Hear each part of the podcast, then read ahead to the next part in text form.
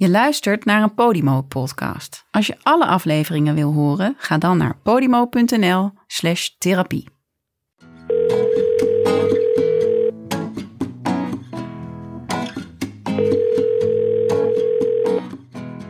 Yo, dit is Joshua. Ik kan even niet opnemen. Spreek wat in na de piep. Hey liever, bij mij. Ehm, ik bel jou even, want we hebben vandaag afgesproken met Femke, zometeen vanavond. Eh, maar ik krijg je niet te pakken en ook op de app reageer niet. Dus ik hoop dat je zometeen zie of alles goed gaat. En eh, nou ja, als ik niks hoor, dan ga ik gewoon uit je er bent. En anders, let me know. Ik probeer het meteen nog een keer. Liefs! Let's keep it simple, keep it light. You don't have to win no fights today. Take a loss and realize it. There is love on the horizon. Let it sink in and surprise you. Oh, the sky don't need your help. No, the sun will rise and follow by herself. I know it's hard to let go. And not as good as Zo. you wanna be. Het is een tijd geleden dat we elkaar eh, hebben gezien. En ehm, Ja. ja, ik ben, ben benieuwd hoe het is eigenlijk eh, met jullie. Laten we daar even beginnen. Zit je te lachen? Ja, gewoon. Ik zit gewoon te lachen. Omdat ik jullie eigenlijk al geappt had vandaag. dat ik helemaal niet wilde komen vandaag. Omdat ik me helemaal niet chill voel. Gewoon eigenlijk gewoon best wel heel erg depressief. En dat, is, dat was al een keer eerder gebeurd volgens mij.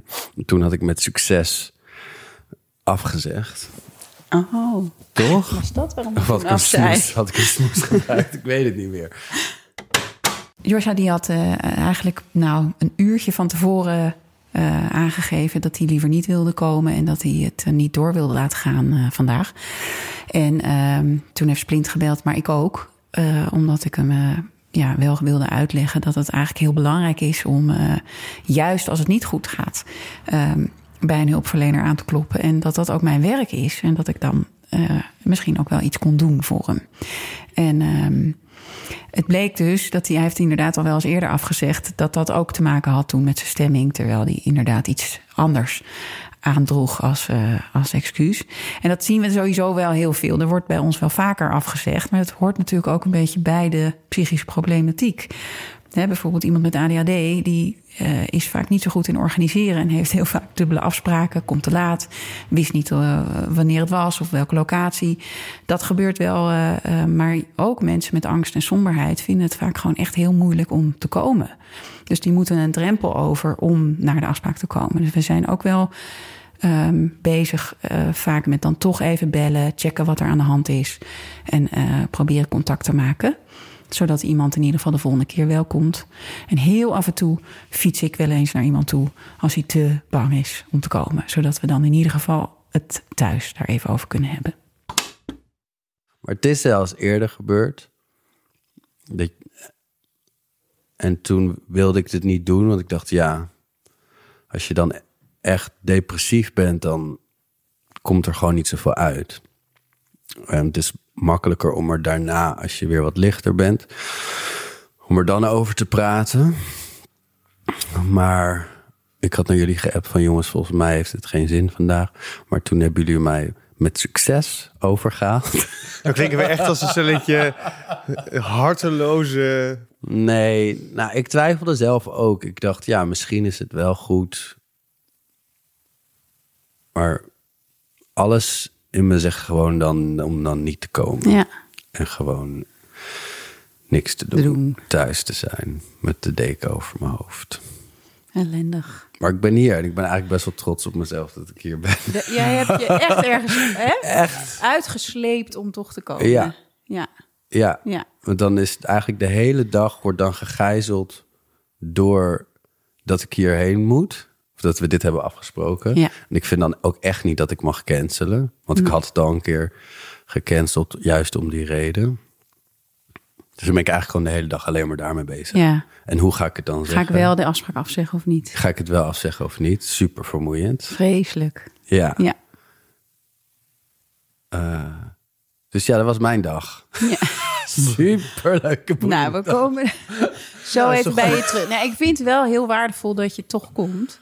En dat je ook komt vertellen dat het nu niet zo goed gaat. Want we hebben ook afleveringen opgenomen toen het wel gewoon heel goed ging. Maar dat wisselt bij jou echt heel erg. Ja, En daar kan je ze ook niet goed van op aan, helaas. nee, Ook niet met afspraken. nee, dat is Nee. heel irritant. Echt verschrikkelijk. Ja, want dan word je zo'n onbetrouwbaar iemand. Ja, waar je niet op kan rekenen. Nee, maar dat is niet hoe je bent. Dat is eigenlijk gewoon wat er dan, hoe je wordt overgenomen door Ja. je stemming. Ja. Maar ik vind, mag ik iets zeggen? ja graag. Hoe is het met jou, Splint? Nou, nee, dat nee, Splint steeds vraagt of je iets mag vragen. Ja, omdat Zeg, Sven Daar komen, daar komen we ook nog wel over te Ja, spreken. maar, nee, maar ik denk elke keer, dat zal ik heel kort uitleggen, dan maak ik het punt dat ik wil maken. Maar is dat ik elke keer denk, kijk, Femke is deskundig, dus ik denk misschien dat zij wel in haar hoofd een heel pad heeft uitgelegd Oh met ja, welke vragen ze achter elkaar wil stellen. Is ook zo vast. Zoals je in een interview bij eens doet. Dus ik denk elke keer, het is een beetje zoals Matthijs van Nieuwkerk. Als je bij hem een tafelheer was, dan moest je eigenlijk vooral je mond houden, want hij had een pad. En als je hem van dat pad afduwde, dan had je echt een probleem naar de uitzending bij spreken. Want dan had je het interview verpest. Dus ik Ja. denk elke keer, misschien komt het nu wel... Het is geen Is, interview, het, Splint. is, is Femke aan het schaken zonder dat wij het doorhebben? En verpest ik haar zet als ik het doorheen Ik breek? denk dat ik mijn zet wel onthoud. Maar kom jij maar even. Oké, een lange introductie voor iemand die niet wilde inbreken. Nee, maar wat ik wel, dat wou ik wel, wat ik wel goed vind, eh, vond, is dat je niet heel veel nodig had om overgehaald te worden. Je zei af, zei je eigenlijk zelf in het gesprek al van, nou ja, anders kijken we wel. Laten we in ieder geval proberen iets te praten. En dat vind ik dan, denk ik, dat is wel, vind ik dan heel goed, Ja. eigenlijk. Ja, daarin denk ik dat ik ook wel... Hè, I've been in the game for a while. Dat ik wel zie of heb geleerd...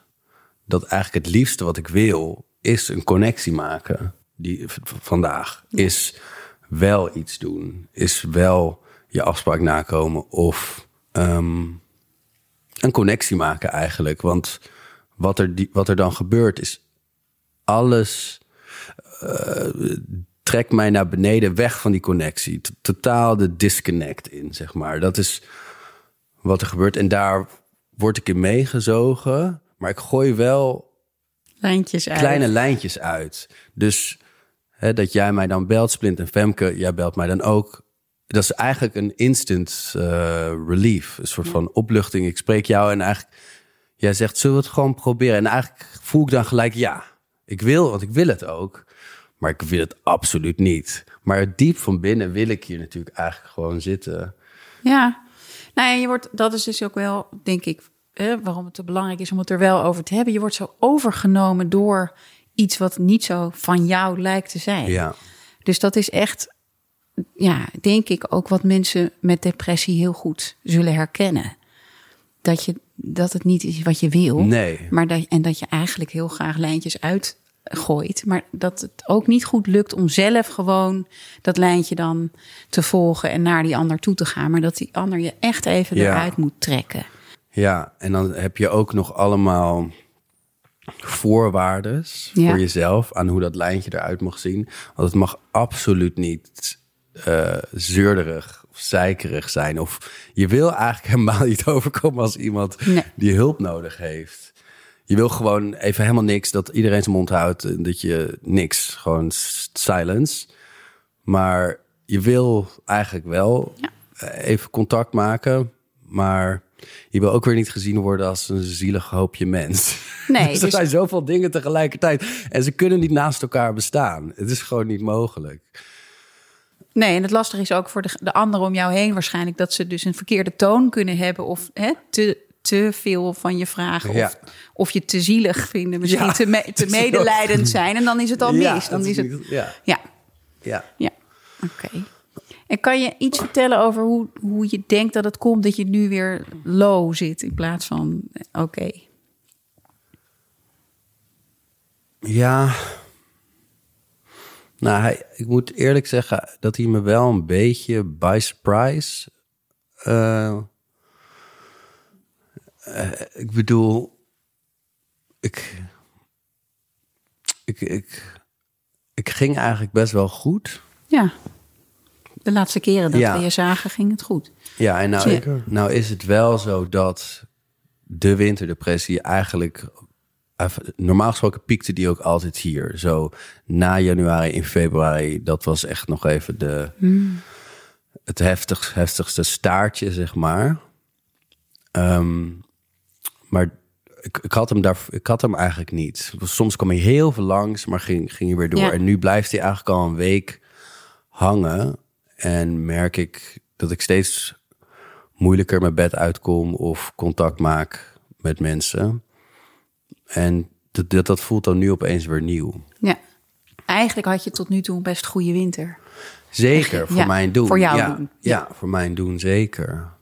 Ehm, ja, ik, ik, ik, ik heb wel eventjes weer, ja, dat ik even weer een keuze had gemaakt waar ik niet helemaal blij mee was of trots op was.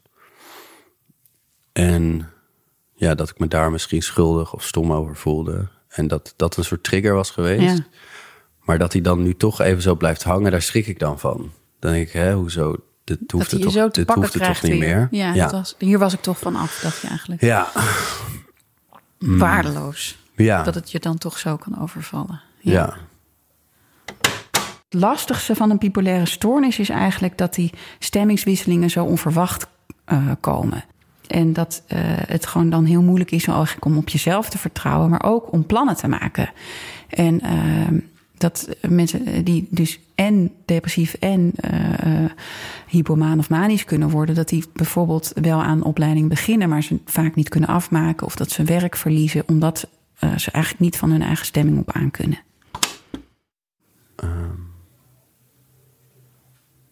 ja. Ja, Splint, als je daar zo naar luistert, zijn er dan wel eens momenten bij jou dat je toch ook overvallen wordt door je angst of je, je rem Oh. om dingen te doen terwijl je dacht dat het niet zou gebeuren? Eh, ja, nee, ja, eh eh, jazeker. Nee, ik zat, maar ik zat eigenlijk... eh, Oh, ik hou jou Ja. uit je route nu. Wat zeg je? ik haal nu jou uit je. Ja, en mijn- mijn Als was eigenlijk stilte anders. was Nee. nee, omdat ik zat heel erg bij... dat- het- laat ik zo zeggen dat het... Meer vanuit om, ik- om toch heel één seconde nog bij Jos te zitten hoor. Ja, nee, Dat je als je omgeving eromheen. Eh want wij spreken elkaar natuurlijk gewoon veel. Dus, dus, dus ik wist dat het ook heel goed, dat het of heel goed, dat het gewoon goed, dat het goed met je ging. Maar dat het dat ik dat ook best e- eng is, soms als je opeens. Kijk, het gekke is als je, laat ik het even zo zeggen, als buitenstaander, als een luisteraar, denk je, het- heb ik altijd een beetje beeld als iemand depressief is of daar last van heeft, dan zie je dat meteen. Dan is iemand loopt iemand helemaal gebogen, die kan er niet meer lachen, die kan bijna niet meer praten. Weet je, dat is een beetje het stereotype overdreven beeld Ja. wat natuurlijk van depressie is. En als je Josh ziet, eh, ook als je hier bent terwijl het niet goed met je gaat, dan is er ook af en toe nog een moment eh, eh, dat je wel lacht. En tuurlijk, ik Ja. zie aan je ogen en aan je gezicht echt wel dat het, dat het, dat, dat het niet alleen maar eh, zon in ligt, maar dat er ook heel veel schaduw in zit. Maar het is niet dat je denkt, "Huh, ik moet nu een kilometer wegrennen. En dat is ook best eh, verwarrend en laat ook zien hoe, hoe moeilijk het kan te zien zijn. Ook hoe moeilijk je weet wanneer moet ik Ja. nou helpen of wanneer Ja. Eh, heeft iemand zelf gewoon ook geen behoefte aan dat je even langskomt. Want iedereen heeft wel eens dat hij denkt, ah, ik heb even geen zin. Maar Ja. soms zeg je af omdat je echt af wil zeggen. En soms zeg je af omdat je Niet wilt dat kan. de ander jou wel toch uit huis trekt, als het ware. Ja. En het was zo makkelijk geweest als het gewoon zo'n stoplicht. Ja, en Ja. als er iets op je hoofd stond waarop stond van vandaag is het handig om het zo aan te pakken. Of zo. Ja, en dan, Nee, ja, dat en dan is denk ik dat ik nog vrij...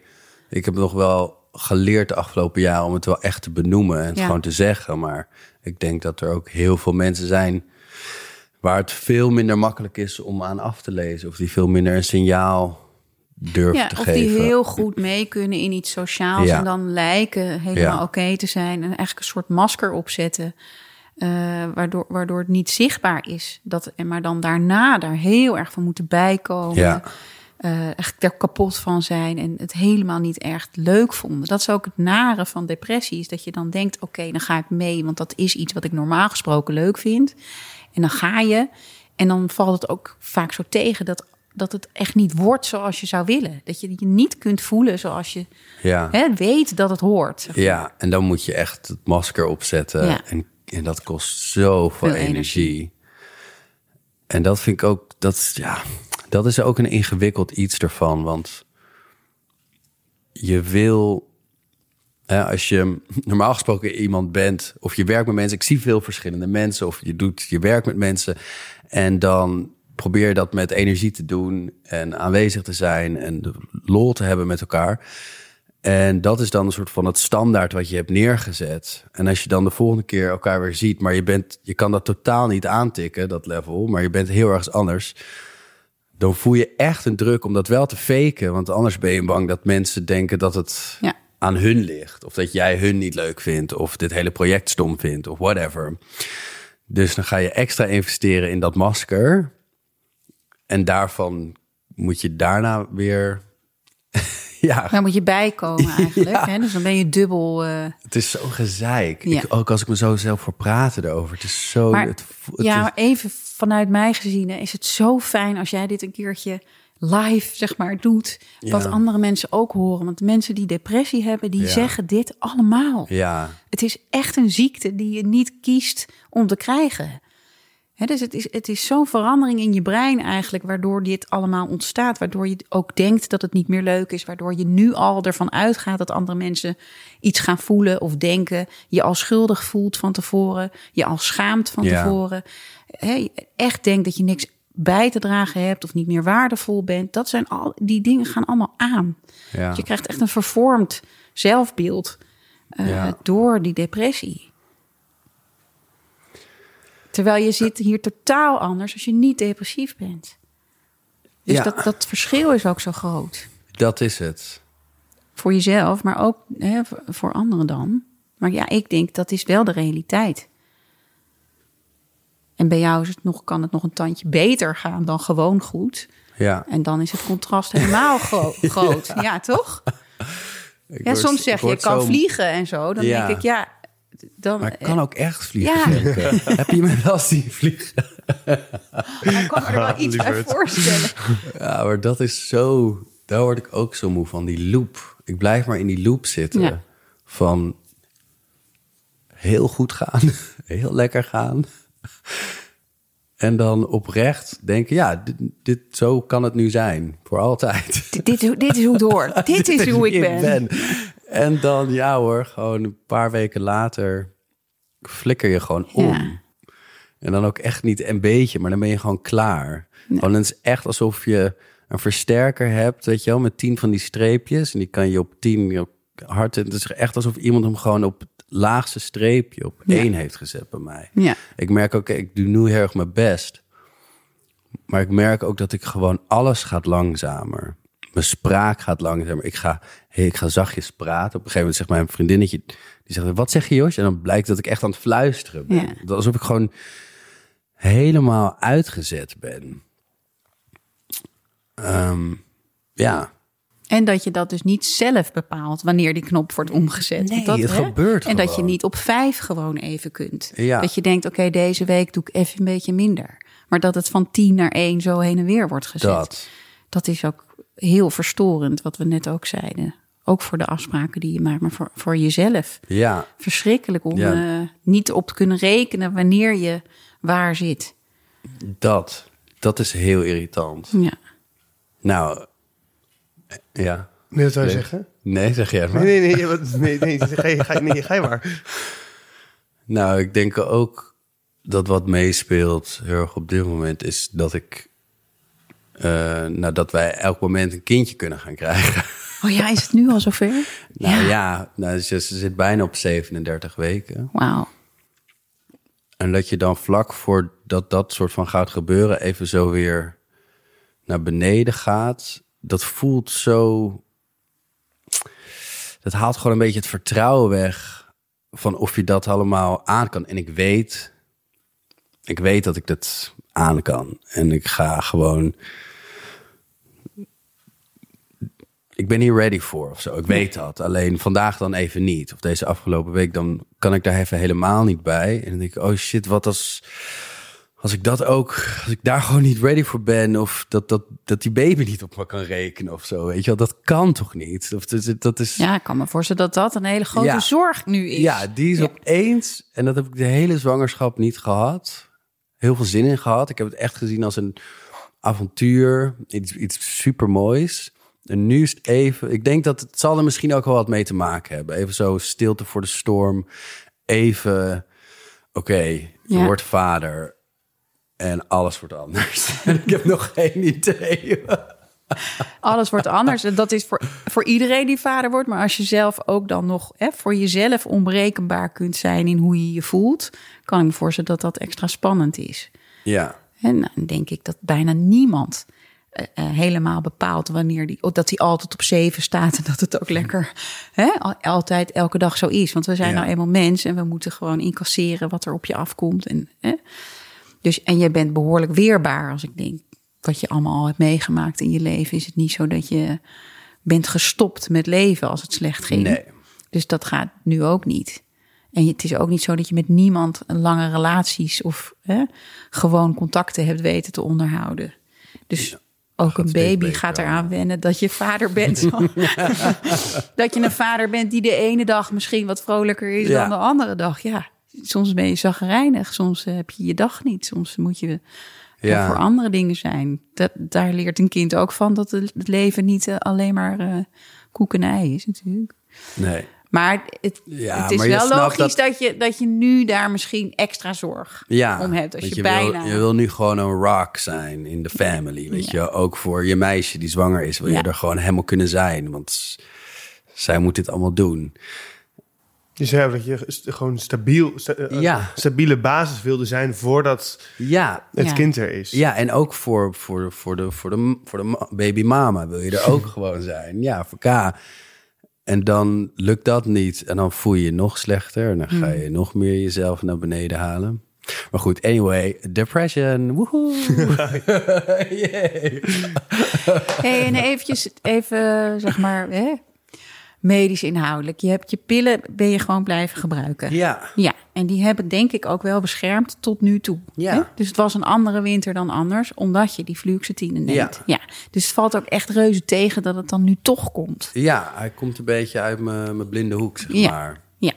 Dat verbaast me dus. Want ik, dat vroeg me net af. Heb je, ben, je, ben je wel... eh, eh, mag je het medicijn noemen of niet Ja, eigenlijk? medicijnen Oh, zijn echt medicijnen. Eh, eh, van ben je dat blijven slikken? Maar dat is dus...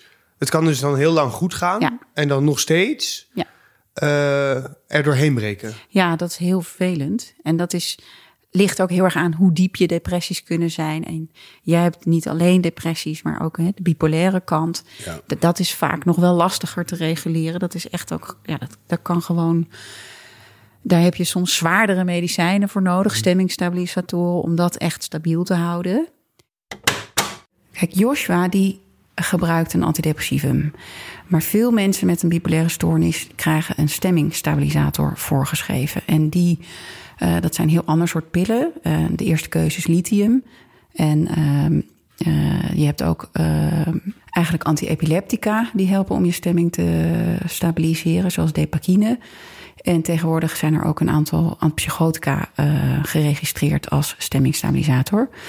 En eh, die werken heel anders dan antidepressiva. Die houden je eigenlijk meer in het midden. Dus die halen ook de pieken eraf. Maar voor iedereen met een bipolaire stoornis is, er, is het anders wat het beste werkt. En ook welke dosering het beste werkt. En eh, de stemmingstabilisatoren eh, zijn vaak wat. zijn echt het vak van een psychiater om die in te stellen, omdat er ook bloedprikken bij komt. Om de spiegel te bepalen in het bloed, om te kijken welke dosering effectief is. Maar ook om eh, bijwerkingen in de gaten te houden. Dus om te kijken of de nieren en eh, bijvoorbeeld de schildklier goed blijven werken. Maar hier denk ik, ja, het zou kunnen dat jij in de winter eigenlijk misschien net wat meer nodig hebt om hem, te- om hem tegen te houden. Ja. Dat zou kunnen, maar dat ontdek je nu pas. Omdat Ja, we je, moeten even kijken hoe het, hoe het, hoe het doorzet of zo. Ja. Weet je, ik, ik heb gewoon wel nog de vertrouwen, het vertrouwen, dat probeer ik ook elke dag tegen mezelf te zeggen. Dit hoeft niet heel te lang betekenen duren. dat dit nog weken duurt. Het mag gewoon even zijn. Het hoeft niet. eh, Maar is hij wel minder diep dan anders in de Ja, winter? nou, en dat ging ik net ook vlak voordat ik hier naartoe liep, zei ik tegen mezelf: Oké, Josh, je moet ook wel echt eh, bewust zijn van het feit dat het, te veel, dat het veel slechter kan. Het valt nog mee. Het voelt even heavy en het even onverwachts. Ja, Maar ik heb veel dieper gezet. Dan zat ik hier echt niet. nee. Dan hadden jullie me echt niet zo makkelijk overgehaald ook. Nee, dan lag je echt in bed onder je deken. Nee, jij zo hoor. Die microfoons kunnen ook overal heen. Stonden we al voor je deur. Live vanaf eh, Haarlem. eh. Ja. nee hoor. Dus we komen nu even bij je binnen en Ja. vragen hoe het gaat. Ja, dat nee. zou erg zijn. Maar goed, Ja, ik dacht dus ook, dat- ja. dit, dit was ook wat we in het begin, toen we hier aan begonnen aan dit hele avontuur, ook eh, tegen elkaar hadden gezegd. Van we moeten dan ook Echt? op momenten dat het moeilijk is, of Ja. dat, het, dat het ertoe doet, dat we dan ook ehm, afspreken. Maar goed, dat heeft Splinter tot nu toe nog niet gedaan. Wat zie je nou elke keer mij? Ja. Dit, ja. Splinter heeft eigenlijk gewoon sinds dat eerste gesprek geen slechte momenten meer gehad natuurlijk. Ik weet nog Die durft heel- nu alles. Nee, het is voor mij, Toch? het is Ja. voor mij ideaal, maar heel afzijdig elke keer te houden. Dat is gewoon niet, nee, ik Nou, ben aan het luisteren. Ik leer heel veel. ja. Zei die... eh, Maar zou je, Ja. zou je nu, zoals je nu zit, ehm, kan je wel hulp vragen? Hè, zou je nu... Kijk, als je vaak als je heel slecht en diep in depressie zit, dan lukt het ook niet goed meer om aan te geven dat je hulp nodig hebt. Lukken die lijntjes uitgooien eigenlijk gewoon nauwelijks meer. Hè? Dan moet je eruit gesleept worden ja. door iemand. Dat, hè, even van, ook vanuit, vanuit mij denkend, zou je dan nu je, je psychiater, eh, mij of iemand anders zeggen van het gaat eigenlijk niet zo lekker? Nou, dit is wel het moment. Ja, Want nu kan het nog. Ja, precies. Snap je? Dus het is goed dat jij dit nu tegen mij zegt. Want daar ben ik me ook bewust van. Nu... Ik ben nu langzaam zo'n beetje aan het afglijden Zakken. of zo. En dus dit is het moment om dat te doen. Want als ik verder afglijd, dan... Ja, dan doe ik het niet meer uit mezelf. Nee. En dan moet iemand dat weer tegen mij zeggen. Ehm, dus ja, maar ik ben hier toch nu bij jou. Ja, Gewoon. helemaal goed. Je bent erbij. En bij andere hulpverleners zijn, zijn als het goed is de afspraken zo dat als het niet goed gaat, dat je dan eerder contact op mag nemen dan de afspraak die je hebt bijvoorbeeld. Ja. En dat betekent niet altijd dat je dan direct de volgende dag terecht kan, maar wel dat je even contact hebt en dat er gezegd wordt, nou, ik kan donderdag of ik kan, we proberen iets te verschuiven. Of, maar daar, daar is wel de GGZ voor. Dat als Ja. je dan eigenlijk een tijdje lekker ging, dan heb je misschien niet zo'n afspraak nodig. Misschien Als wel. het dan wel weer nodig is, dat je dan ook wel denkt, oh ja, daar zijn mensen voor. Sowieso vinden volgens mij mensen het heel moeilijk om aan te geven dat het echt even niet goed gaat. Ja. Hè? Ik bedoel, ik merk het al bij mensen om me heen of mijn vriendinnetje die echt heel Spartaans is voor zichzelf.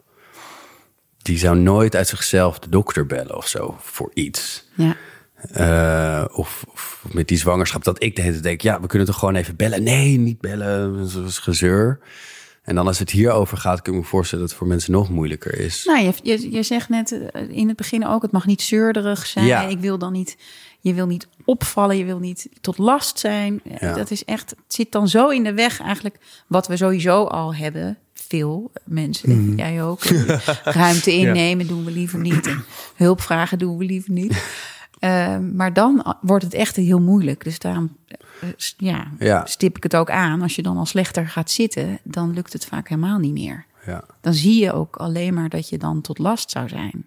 Ja, dus je vraagt hulp aan de, aan de deskundige en niet eh, hulp aan je Allebei. vrienden. Of aan Jawel, allebei. allebei jawel, want eh, een behandelaar kan niet de hele week bij jou zijn. dat is bijvoorbeeld. Nee. Dus wat je dan vaak doet, is samen kijken. Wat is nu handig? Hoe ga je morgen doorkomen? Hoe ga je de week doorkomen? Wat voor weekoverzicht of zo kun je maken, zodat je wat houvast hebt. Zodat jij bijvoorbeeld niet actief elke dag contact hoeft te maken, maar Ja. het gewoon al staat dat er iemand komt, dat je gaat wandelen.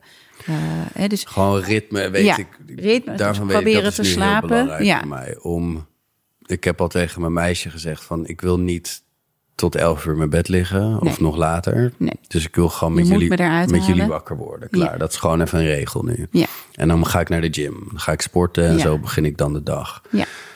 Dat- Beweging is echt essentieel Ja. ook. Want je, je, je bevriest een beetje bij depressie. Zeg maar. Je lijf gaat eigenlijk in die stand van ik wil alleen maar onder de deken. En als je dat doorbreekt door wel te bewegen. Ja. Jij kan dan nog naar de gym. Maar soms moeten mensen echt gewoon een rondje wandelen. Ja. Dat is als iemand heel diep in een depressie zit. Ook waar we mee beginnen. Dat je structureel elke dag tien minuten of een kwartiertje naar buiten gaat.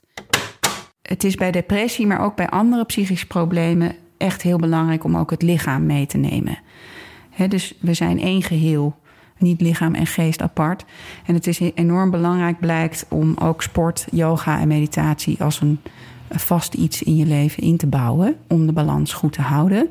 Maar zeker als het echt slechter gaat, dan is dat ook is dat vaak een ingang om je weer wat beter te gaan voelen. Het is die, die baby die daar aankomt. En parallel daaraan gaat de wereld weer open. Ja, En gaat ook eh, mijn werk weer helemaal open. Wij kunnen gaan spelen. Volgens mij vanaf 11 maart is nu een beetje het idee dat alles weer open gaat. En 11 maart is ook de dag dat wij weer een, dat er een soort tour begint. zo. En dan zit ik erg... En dat is iets waar ik eigenlijk al twee jaar lang naar uitkijk. Daar heb ik vet veel zin in. Ja. En dan denk ik, ja, dat komt dan precies met die baby en alles. En ah, hoe, ga ik dat nou weer doen?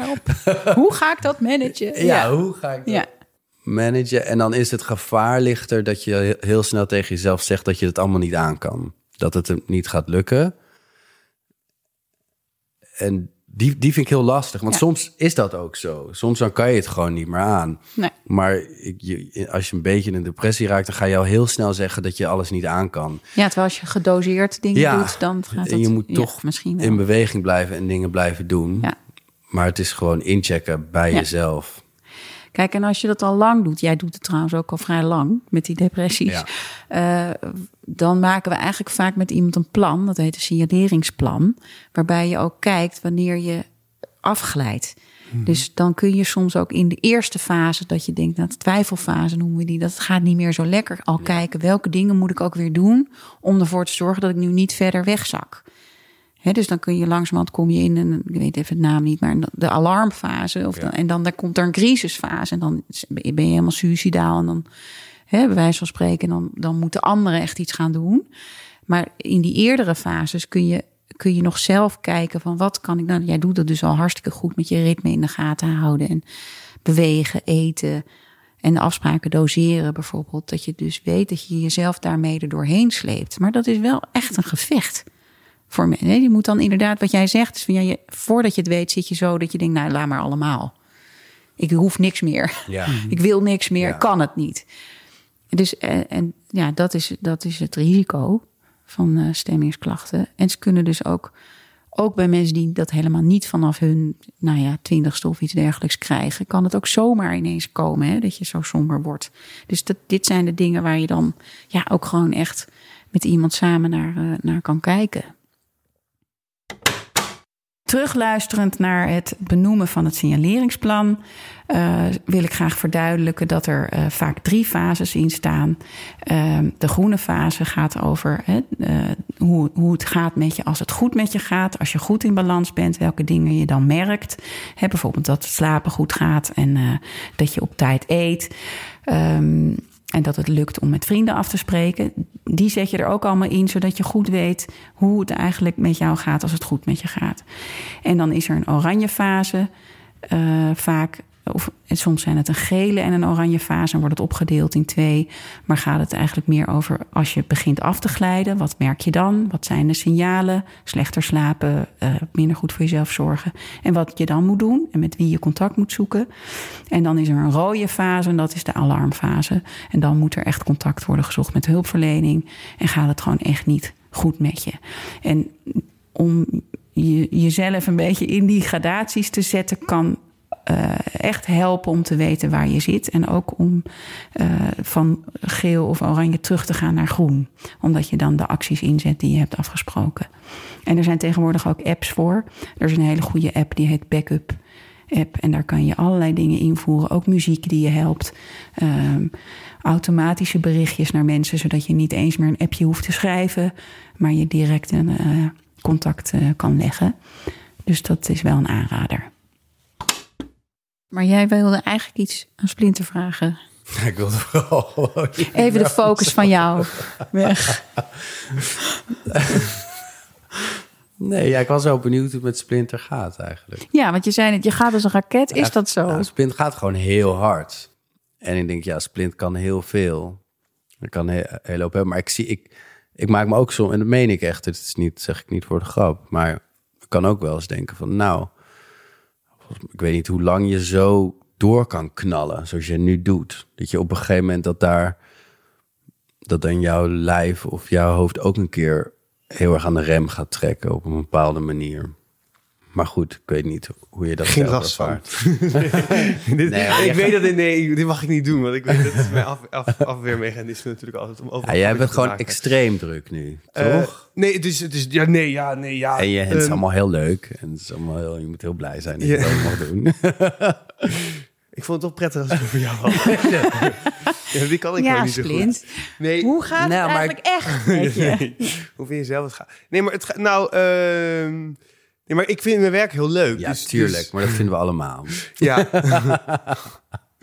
Nee, ik heb, eh, eh, het is heel druk. Ik heb natuurlijk eh, nu en de talkshow lopen en het boek eh, gelijktijdig wat af moet worden gemaakt. En dan lopen ook andere programma's. En eh, nee, het- ja, het is, het, is, het is heel veel.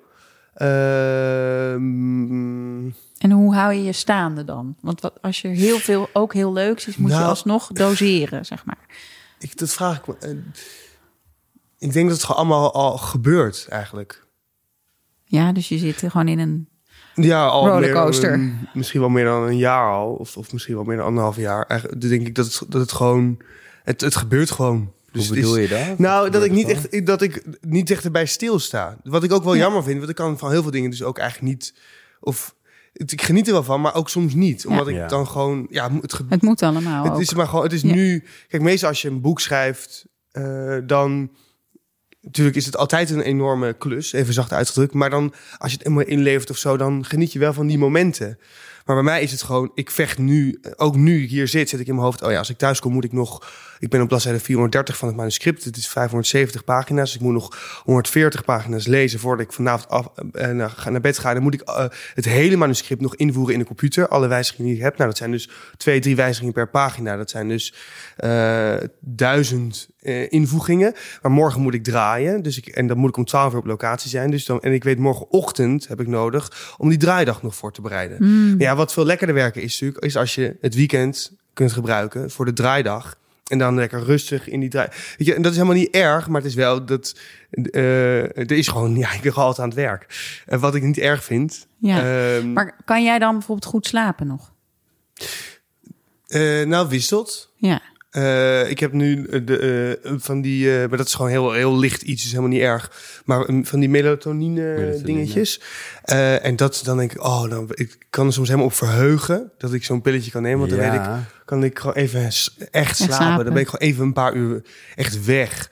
Eh, en zeker, ik neem op donderdag altijd de talkshow op. En dan weet ik eigenlijk dat ik niet kan slapen. Dan ga ik, kom ik thuis, dan ga ik vaak nog werken, omdat ik weet ik kan, omdat je gewoon in je, je je, lichaam moet- is leeg, Ja. maar iemand heeft alle licht in je hoofd aangezet. Ja, en die dat. gaat gewoon niet uit. Dus Nee. Je kan wel gaan liggen op bed, maar heeft gewoon geen zin. Nee. Dus ik ga dan eh, vaak dingen voorbereiden nog. Nou, dan is het op een gegeven moment twee uur s'nachts. En dan ga je wel op bed liggen, maar dan word je toch om zes uur eigenlijk, als je geluk hebt, pas om zes uur, maar vaak al eerder, word je weer wakker. Dus Ja. die nacht verdwijnt. Ja.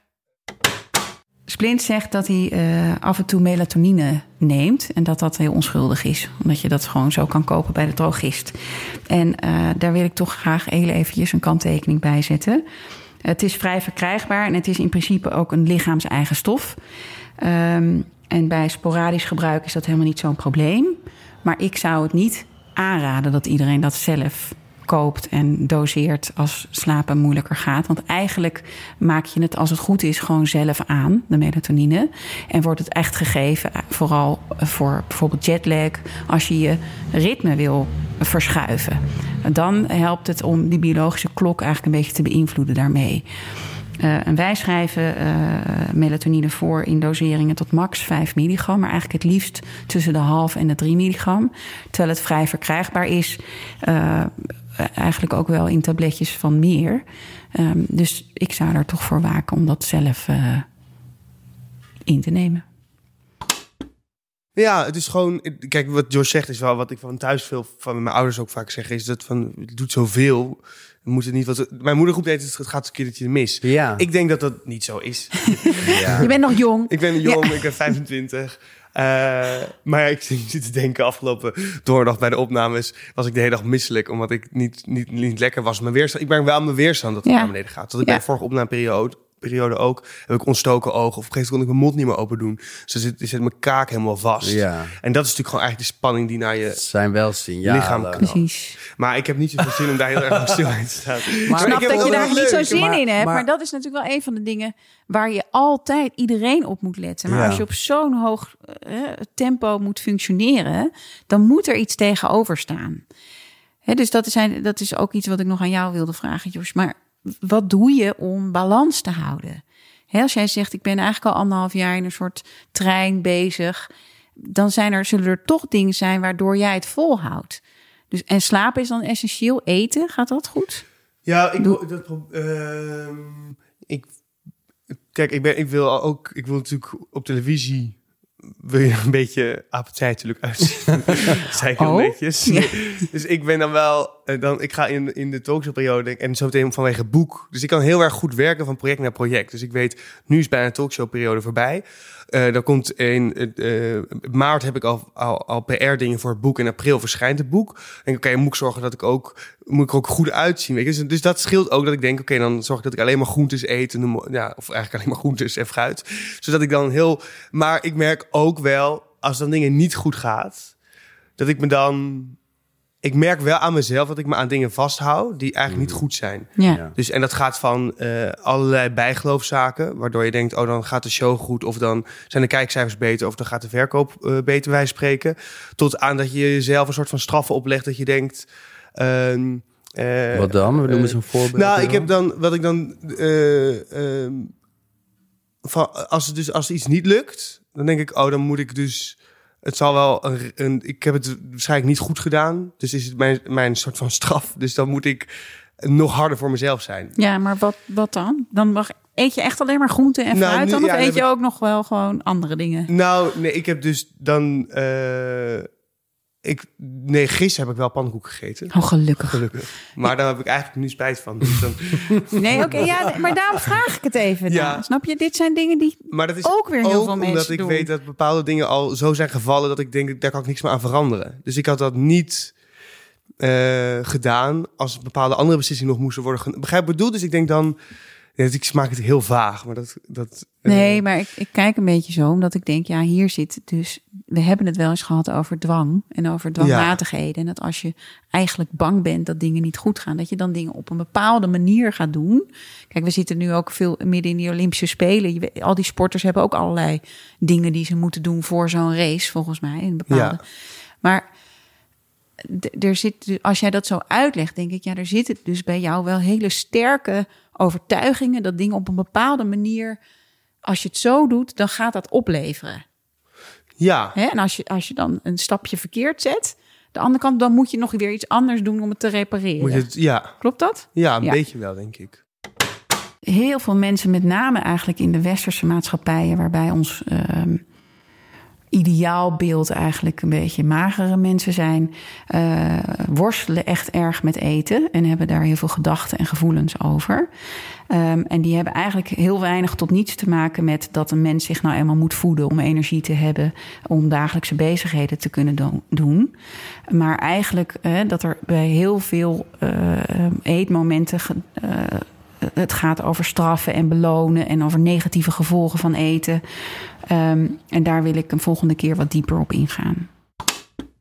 Oké, en kan je er concreter over zijn? Van wat zei je zei over die pannenkoek? Ja, daar heb ik dan nu eigenlijk spijt van. Hoezo? Nou, het zit hem in de hele normale bijgeloofdingen. Dus dat ik. eh, Hele normale bijgeloof. Nee, dat ik naar Kom maar de even door. kleedkamer altijd bepaalde schoenen en zo meeneem. Die dus, die waarvan ik weet, die ga ik toch niet aandoen. Maar dat ging één keer goed. Dus die heb ik nu elke keer bij me. Die zet ik op een bepaalde plek in de kast. Zodat ik weet, dat zou, en een bepaalde onderbroek moet ik dragen. En zo, weet je, dat zijn, Ja. maar dat zijn normale bijgeloofdingen, denk ik dan.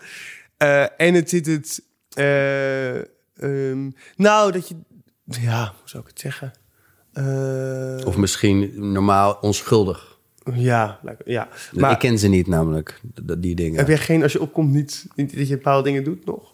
Nee, nee, be- behalve gewoon waarvan ik weet...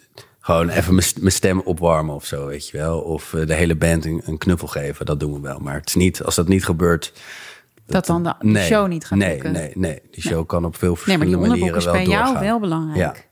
En dat je die schoenen bij je hebt, is ook belangrijk. Ja, Ja, maar als het dan één keer niet lukt, eh, dan denk ik, oh ja, dit, zijn, dat is, dat is toch... Viel wel mee. Ja, Maar geeft het stress? Stel dat je nu donderdag dan naar de studio gaat zonder die schoenen. ja zou Of ik met een doen. ander Voor zekerheid zou ik niet doen. Ja, dat zou je niet doen. Nee, voor Nee. zekerheid niet. Nee, want wat zou er kunnen gebeuren dan, denk je? Nou, ik denk dat, dat als je daar ook in gelooft, dat je je hoofd beïnvloedt. Dus ik denk als ik eh, niet oppas, dat ik dan denk, oh ja, zie dit ging niet goed, dan zal alles wel niet goed gaan. En als je dat gaat denken, dan wordt het een self-fulfilling prophecy. prophecy. Dank. Eh, en dus We praten gewoon dat- Nederlands, eh deze Ja, podcast dat is voor jou een wonder. Nee, maar het leidt tot een vraag bij mij, als je het goed vindt. Dat dat op een of andere manier ligt die lat om het goed te doen. En dat het goed gaat. Hè? Dus hoe de show, hoe je, je, je, je opname gaat, zeg maar op donderdag. Dat, ha- dat hangt niet alleen af van dat jij er bent. En dat het voorbereidende werk goed gedaan is met het team waarmee je dat doet. Eh, maar het hangt van allerlei andere, eigenlijk ook hè, opvallend kleine dingen af. Hè, dus er, er zit dan een soort cascade van dingetjes, hoe je hebt gegeten, wat je, wat je aan hebt en eh, wat je bij je hebt en allemaal dat soort dingen. Dus het feit dat jij er bent, gewoon op het juiste moment, is, nog, is nog niet genoeg.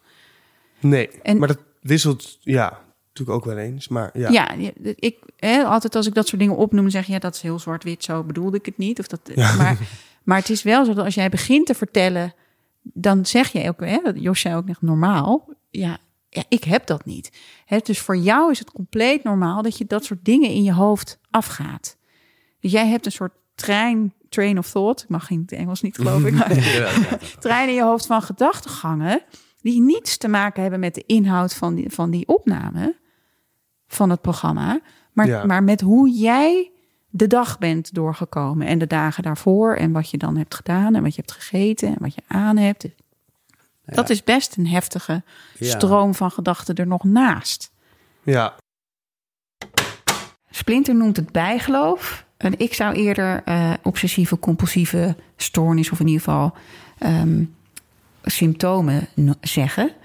Ehm, kijk, een, stoornis is het pas als het iemand echt belemmert en het niet alleen veel tijd, maar ook heel veel energie kost en het dus eigenlijk ongelukkig maakt. Eh, en de meeste mensen houden van rituelen in een dag en doen veel dingen op elke dag hetzelfde. Maar sommigen zijn op een dag echt heel vaak bezig met dwanghandelingen. Dus dingen doen die je moet doen op een bepaalde manier, omdat ze bang zijn voor dingen. Bijvoorbeeld dat hun geliefde iets overkomt of dat er brand uitbreekt. En ze bezweren als het ware deze angst door dingen te doen. Zoals tellen of schoonmaken of de gaskraan dicht doen. eh, en dan niet één keer, maar meerdere keren. En sloten controleren. eh, teruglopen om nog eens te kijken of je de deur wel dicht hebt gedaan. En dat soms echt meer dan vijf of tien keer achter elkaar. En dan heet het een obsessieve compulsieve stoornis. Maar als het je houvast geeft, kan ik me voorstellen dat het prima is. Ja. Of zo, als het iets is waar je wat aan hebt. ja. Maar Nou ja, maar het, geeft dus houvast, omdat het anders ook wel heel veel spanning geeft. Dus we waren net in de lijn van, ehm, wat doe jij om balans te houden? En wat ik nu hoor is dat je een aantal dingen allemaal doet om het goed te laten gaan, wat je allemaal doet. ja. Maar wanneer ontspan je dan? Wat, is het, wat geeft het tegenwicht? Wat zijn de momenten? Hè, is dat als je een vriendin belt of als je even bij je ouders langs gaat? Of doe jij iets van sport of meditatie of een ontspanningsoefening voor het slapen gaan? Die, Nou, die joggen. maakt. Ja, Maar dat doe ik. eh, ik, ik, ik denk nog steeds, ook als ik je net zo hoor over je dagen. En ik, ik herken heel erg van nadat je een show hebt gehad, dat je dan niet kan slapen. Dat je dan nog maar heel veel dingen gaat doen. Ja. Dat heb ik ook een tijd lang gedaan. Dan kwam ik terug van een show. En wat je net, ik vond, je zei het net heel mooi. Iedereen heeft altijd licht aangedaan in je hoofd. Dus ja, denk je kan toch nu niet gaan slapen? Nou, ik kon dan of ook gaan schrijven, nog meer dingen gaan maken. Of ik ging, eh, ja, nog feesten of zo. Of partyen of heel veel drinken. Of gewoon maar om een beetje door te gaan. Ehm, en je, je zei net van, nou dan is het, dat melatoninepilletje is dan eigenlijk een soort van, daar, daar werk je naartoe van, nou als ik, als ik die heb, dan kan ik eindelijk gaan slapen. Maar ik denk dus nog steeds, een splint, die, ja, die vindt er niets van volgens mij. Maar om dat meditatie jou wel nog kan helpen bij die, die transition momentjes. Bijvoorbeeld van na show naar slapen. Dat je een meditatie of een soort ontspanningsoefening doet. Om er weer even in te checken bij jezelf. Zodat je misschien uit jezelf kan gaan slapen. Want anders ga je ook maar door en Ja. door en door en door. ja. Maar dat, ik weet niet wat Femke daarvan vindt. Maar Nou ja, kijk, je lijf geeft signalen. Dat is eigenlijk wat je ook zei. En dan krijg ik een ontstoken oog en dan doet mijn kaak dit. En dan, dus je lijf roept dan eigenlijk, oh, we gaan een beetje te hard. Ja. Even stoppen. En dat hoeft niet te betekenen dat je een week dingen afzegt. Maar dat kan wel zijn dat het, dat het aangeeft, je lijf aangeeft, Nu moet je misschien even zorgen dat je vanavond niet die drie dingen die er stonden ga, gaat doen. Maar dat je een warm bad neemt, naar de sauna gaat. Ik bedoel, het kan echt van alles zijn wat jij prettig vindt. Maar iedereen, voor iedereen is dat iets anders. Alleen in onze maatschappij doen we het te weinig. Is er veel te weinig structureel aandacht voor hoe gaat het eigenlijk met mij en met mijn lijf? Kan ik er even bij stilstaan? En dat kan al in drie minuten. De drie minuten ademruimte van de mindfulness is een hele bekende oefening. Waarbij je even gaat zitten, ademhaalt. Je, je focus op je ademhaling legt. En alleen maar nagaat, wat gebeurt er eigenlijk van binnen bij mij? En je hoeft er niks van te vinden en je hoeft er ook niks aan te doen. En dat doe je drie minuten en dan ga je weer door. Doe je dat wel eens met patiënten? Dat doen we heel veel met patiënten. We doen het ook vaak aan het begin. En wij doen het ook wel eens als we allemaal in een soort van... oh, en we hebben een vergadering of een teamoverleg. Dan beginnen we ook wel eens het teamoverleg... met dat we allemaal eerst even samen de drie minuten ademruimte Kun je doen. niet gewoon even één keer die drie minuten ademhaling doen? Oefening. Wat, wat, ja, maar ga je gewoon drie minuten, dan zet je Nou, je je zit al. ik denk je dat jij al. Ja. praat ons er dan doorheen, of niet? Ja, als je het fijn vindt, wil ik dat best Ik doen. Maar je kan hem ook op je telefoon aanzetten. Er zijn er weet ik veel hoeveel honderden op YouTube. En, eh, Ik ben wel benieuwd Ik eigenlijk. ook. je hebt je nog nooit de drie Ik minuten heb nog ademruimte nooit een drie gedaan? ademhaling Splinter niet, Nee, oh ja. ja Josje natuurlijk wel. Ik denk dat misschien is voor, voor Splint wel heel chill. Oké, wat belangrijk is, is om even goed te gaan zitten. Dus je kan in kleermaker zitten, maar gewoon je voeten even op de vloer. En een beetje recht. En dat je je rug in ieder geval goed ergens tegenaan kan zitten of recht hebt. Je goed op de bank. Dat mag bij mij thuis niet hoor. En dan doen we onze ogen even dicht. Oh, de oog echt dicht. Ja, ogen. kan je dat? Nee. Ja, nee. Nee, maar sommige mensen Oh, nee. vinden dat al het- too much. Ja. Ja, dus als je het niet fijn vindt, mag het met de ogen open. Maar dan liever dat je gewoon naar één punt staart. Maar met je ogen dicht. En dan gaan we eerst eventjes voelen dat je voeten op de vloer staan of op de bank zitten. Dat je benen en je billen op de bank zitten. Dat je je rug voelt tegen de leuning. Je schouders. Misschien wil je ze even ophalen en weer laten zakken.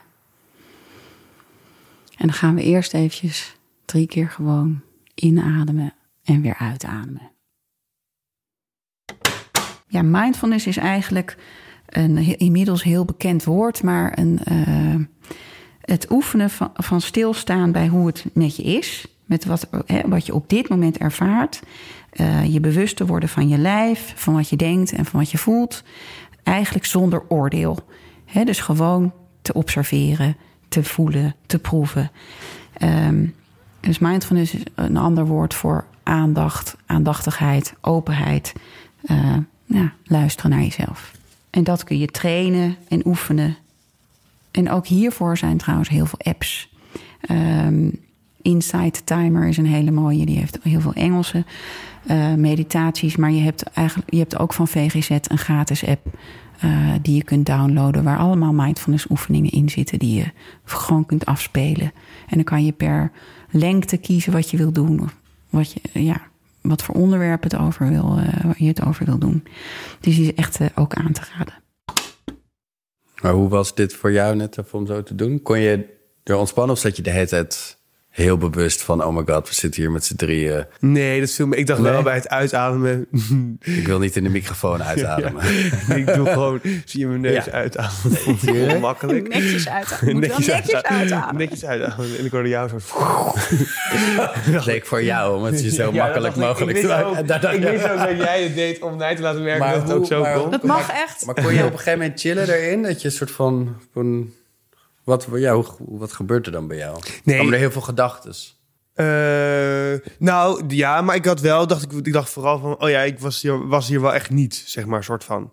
Dus door die, door, Ja. eh, eh, wat toen mijn ogen weer openden, dacht ik, oh ja, Ja, toch? hier, Hier zijn was ik. Ja. En dat is echt zelden zo. Het is altijd zo wat er is geweest. En Ja. daar denk ik aan terug. En dan denk je ook van, oh, had ik er maar even iets meer bij stilgestaan. Wat natuurlijk altijd zo is, want dat heb je ook met vakantie en noem maar op. Ja. Eh, maar dat is nu gewoon... Ja, ik denk ook dat het... Maar het is heel erg afhankelijk van of ik me eh, goed voel. En nu ben ik gewoon moe. Dus ligt, ligt die negativiteit iets meer aan het oppervlakte. Terwijl ik heel positief mens ben. Dit is ook een beetje een soort van... natuurlijk weer verontschuldigen voor. Maar het is... het is, ik ben nu gewoon al ook elk weekend aan het werk. En als je alleen maar aan het werk bent, is het gewoon best veel soms. Ja. Maar er zit geen pauze in. Dus nee. je moet ergens op een of andere manier misschien Maar ik ga kijken maart je ga ik pauze. weg. Nou, Ja, Maar ik denk wel dat dit huiswerk moet worden voor Splint. Dat denk ik echt. Dat denk nou ik ja, echt. dat is natuurlijk ook Gewoon- waarvoor je, hè, wa- waarom we het hier zitten, is dat je, dat je, je in je leven graag een fijne balans wil hebben en wil genieten van dingen. En als je niet kan stilstaan bij de dingen die geweldig gaan, omdat je al bezig bent met morgen en wat er verder nog moet en met wat er gisteren eigenlijk allemaal gebeurd is, dan ben je te weinig in het nu. En mindfulness gaat natuurlijk heel erg over voelen wat er nu is en het er ermee kunnen zijn. Want wat wij als mensen gewoon allemaal de hele tijd aan het doen zijn, is een beetje wegvluchten van niet zulke leuke gevoelens die we hebben, of van moeilijke beslissingen die we moeten nemen, of van relaties waar we in klem zitten of zoiets. We zijn er echt een ster in om hè, allerlei dingen te doen om er niet bij stil te staan. Terwijl op het moment dat je er wel bij stil gaat staan en ook eigenlijk bijvoorbeeld verdriet toelaat, dan komt er vaak een golf, maar dat is daarna ook wel weer weg. Terwijl als je de hele tijd bezig bent met het een soort dam dicht houden, dan kost dat heel veel energie, maar het gaat ook niet weg. En dat gaat dan vervolgens, hè, dus mensen die onverwerkte eh, trauma's hebben of iets, het gaat allemaal in je lijf zitten. Uiteindelijk komen die allemaal bij de huisarts met heel veel verschillende soorten klachten. Maar je lijf zegt eigenlijk stop. Ja. Ik probeer hier wel heel veel tegelijk te zeggen. En ik probeer in één zin uit te leggen dat we vaak nare gevoelens proberen te vermijden als mens.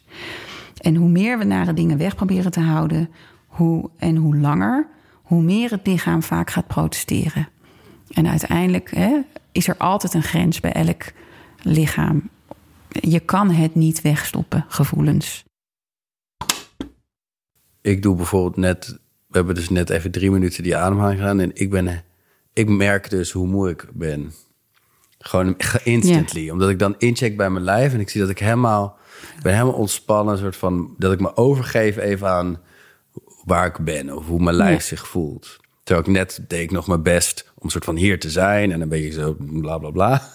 Maar nu voel ik helemaal zo... hmm, Omdat Ja. ik even incheck. En dat is wel chill. Het is toch altijd fijn. Je kijkt zo sceptisch, Splint. Oh, nee, ik ben heel erg aan het nadenken. Ik dacht namelijk vooral, ook ik zit heel lelijk.